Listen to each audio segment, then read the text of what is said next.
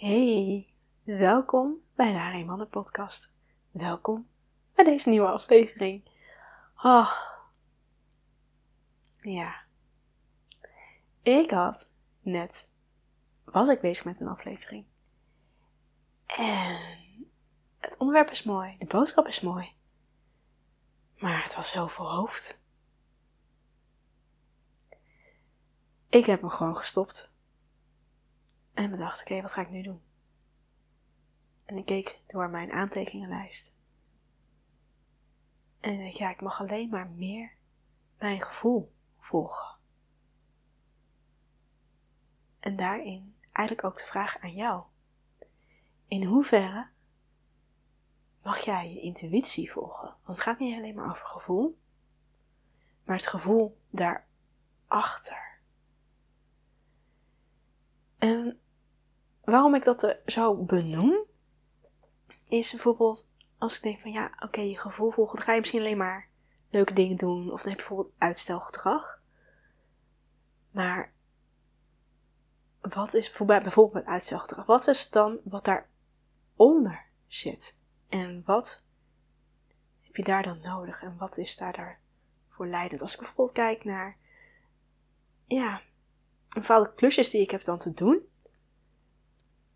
dan kan ik wel zeggen: Oké, ik ga het alleen maar doen uit een moeten, uit een verplichting, uit je moet hard werken, want dan komen dingen voor elkaar. Of dat ik dan kan kijken van oké, hé, hey, ik ben ondernemer, daar kies ik voor. Dat vind ik fantastisch. Maar er hoort ook bij dat ik gewoon mijn administratie in orde maak. En daarin is ook dat ik denk, oké, er zit een deadline op. Ik moet het gewoon doen.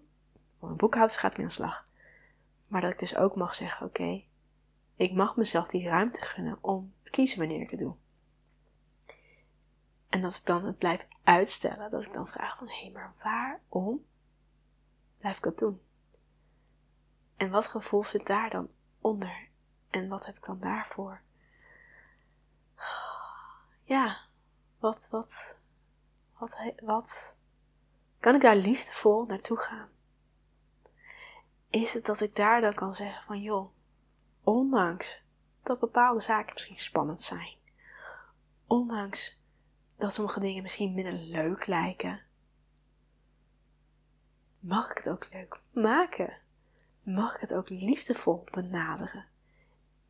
En vanuit die aspect voelt het al niet meer als moeten, maar als mogen. En voelt het al zoveel lichter. En ik merk dus ook dat als ik podcasts maak die dat een bepaald gevoel is met een bepaalde boodschap of dat die in één ontstaan, dat, dat als ik die terugkijk, dat er zoveel momentjes zitten en ik denk, oh, dit is waardevol. Terwijl als ik een soort van tekst ga oplezen bijna, moet ik aan denken dat ik schoolspullen heb lopen doorbladeren van een, van een basisschool en middelbare school. Bijna een soort van spreekbeurt. Dan is het heel erg feitelijk, dan is het heel erg hoofd, er komt er weinig passie en energie en kracht uit. En dat is denk ik ook met de dingen als je dat in het dagelijks leven doet. Er is een heel groot verschil tussen bijvoorbeeld als ik uh, wil gaan koken of als ik moet gaan koken. En dan is het voor mij dus heel erg dat ik kan kijken, oké, wat maakt dat ik het leuker vind om te gaan koken? En dat is bijvoorbeeld heel simpel dat mijn vriend bepaalde groentes alvast van tevoren snijdt. Wat mij het gevoel geeft alsof ik zo kant-en-klaar maaltijd, kant voorgesneden groenten heb. En dat is het niet. Maar dat maakt voor mij het heel veel gemakkelijker. Uh, maakt dat ik minder druk heb te maken over de tijd. En maakt de drempel veel lager dat ik gewoon met plezier in de keuken sta. En daardoor meer zin heb om een lekkere maaltijd te bereiden. En dat zijn dus met heel veel dingetjes. Dat je dus kan nagaan van oké, als jij meer vanuit flow wil leven, wat wil je dan doen?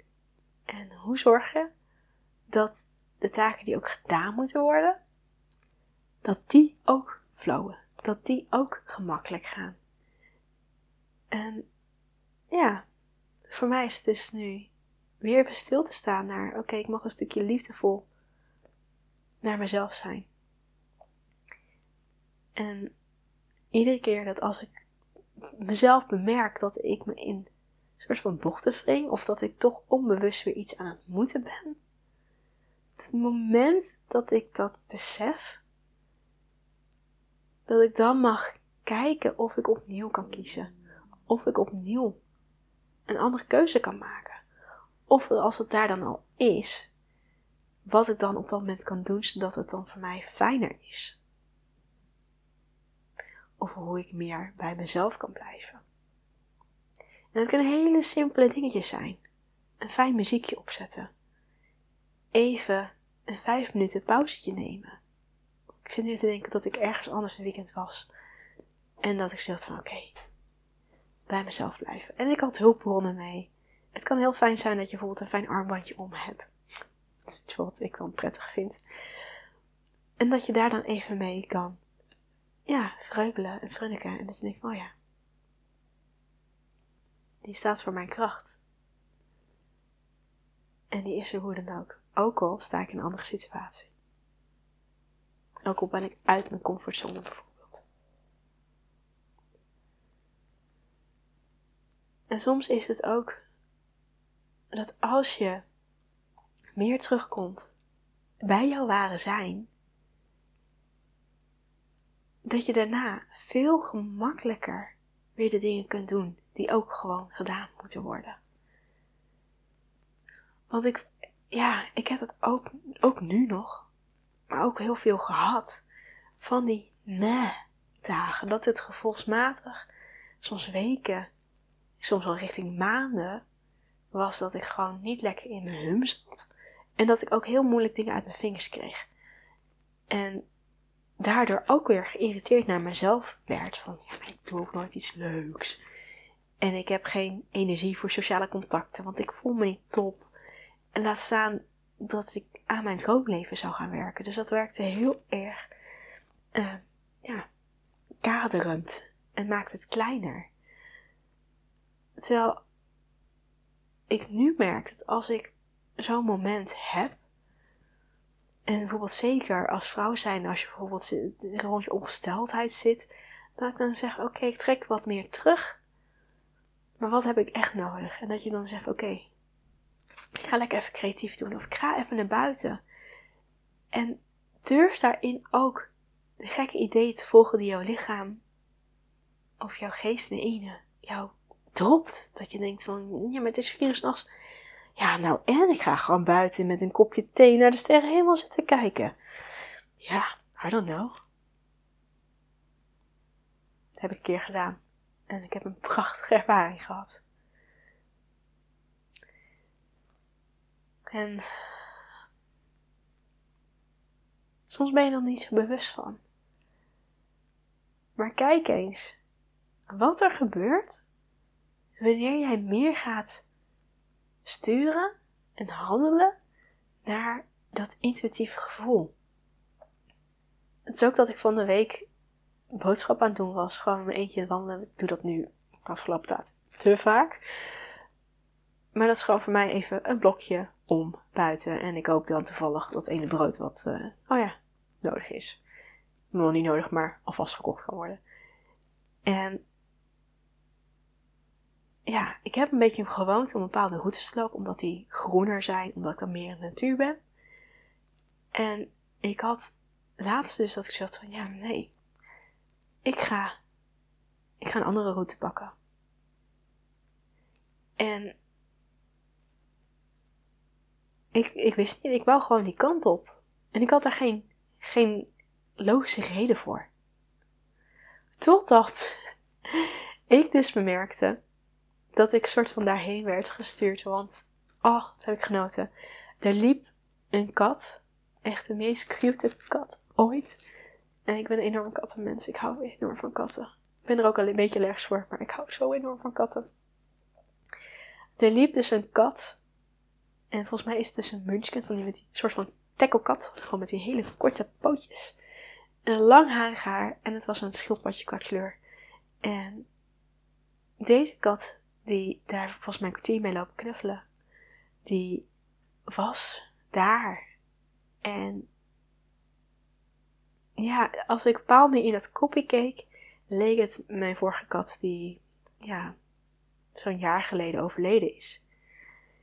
En dat, ja, dat, dat, dat, dat, het voelde heel fijn om even weer zo te kunnen knuffelen, maar ook om herinnerd te worden aan, aan die kat en ook de mooie tijden die ik met haar heb gehad. Want het meest bewust ben ik gewoon de laatste minder fijne tijd. En nu bepaald niet het gemis en ook het verlangen naar weer een nieuwe kat te willen kiezen of het ontvangen bij ons thuis. Maar dat mijn vriend daar heel duidelijk in zegt van nee, dat gaan we niet doen. Want die heeft dus mate nu een allergie dat hij uh, ja, stok achter de deur houdt. Want dat gaat het gewoon niet doen. Wat ik heel jammer vind, maar wel voor nu respecteer. Voor nu is het oké. Wie weet denk ik over een paar jaar er anders over. Dan ga ik er wel weer voor in gevecht. maar voor nu is het oké. En geniet ik er dus heel erg van als ik katten op straat tegenkom. En dat ik daarmee even kan knuffelen. Maar deze kat. Oh, dat was gewoon zo fijn moment voor mij. Ik, had, zat ook niet zo heel erg lekker in mijn hum. En zelfs toen ik opstond om verder te lopen, kwam die kat weer achter mij aan. Echt me aankijken. Van, hallo, zullen wij nog even knuffelen? Nou ja, zo ben ik dus een halve straat verder gelopen. En heel dankbaar dat ik niet echt wist waarom, maar dat iets in mij vond dat ik die route maar had te lopen.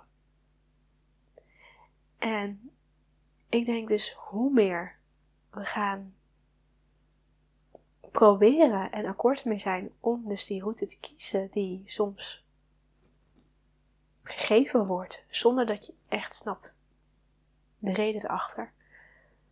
Dat dat een soort van intuïtie kan zijn. En hoe vaker denk ik, nee niet denk ik, het is het wel nog, het is nog voor mij denken, maar ik ervaar dus hoe, hoe meer ik daarin leun, hoe meer ik daarin acties doe, ze zo in lijn zijn met mij. En dat je ook steeds denkt van je een soort van toeval bestaat niet. En het is zoveel rustiger. Het, komt allemaal op zijn pootjes terecht. Het gaat allemaal goed. Ja, het gaat gewoon goed. En dan merk ik ook dat het soort van minder goed gaat, letterlijk, wanneer dat hoofd van mij er weer tussendoor komt met zijn oude patronen en beperkende gedachten. En vindt dat ik hard moet werken en vervolgens dus, ja, in de ochtend dus gedissorceerd raak, uh, last krijg van mijn knie. En er dus allemaal momenten zijn dat ik denk van, oh ja, ho. Terug naar mezelf. Terug naar mijn kern. Om van daaruit te zijn en van daaruit te mogen delen. En van daaruit een inspiratiebron ook voor anderen te mogen zijn. En natuurlijk zijn er momenten dat ik gewoon eventjes gevoelsmatig heb te knallen en gewoon doorga en even de zaken gewoon heb te fixen. En er niet per se mijn hart erachter. Maar dan is wel een groot deel even gedaan. En tegelijkertijd is het dan ook op dat momenten bewust dat ik dan kies. En dat ik vanochtend dus bijvoorbeeld dacht: ja, ik kan van alles productiefs gaan doen, maar laat maar even. En heb ik gewoon met een aangenaam muziekje de keuken staan boenen. Was het echt zo nodig? Nee, het was wel fijn, maar het deed gewoon heel goed voor mij omdat het zoveel ruimte en rust creëerde. En ook gewoon een momentje voor mezelf. Dat ik van, het hoeft allemaal niet perfect. Het hoeft allemaal niet snel. Het mag gewoon zijn.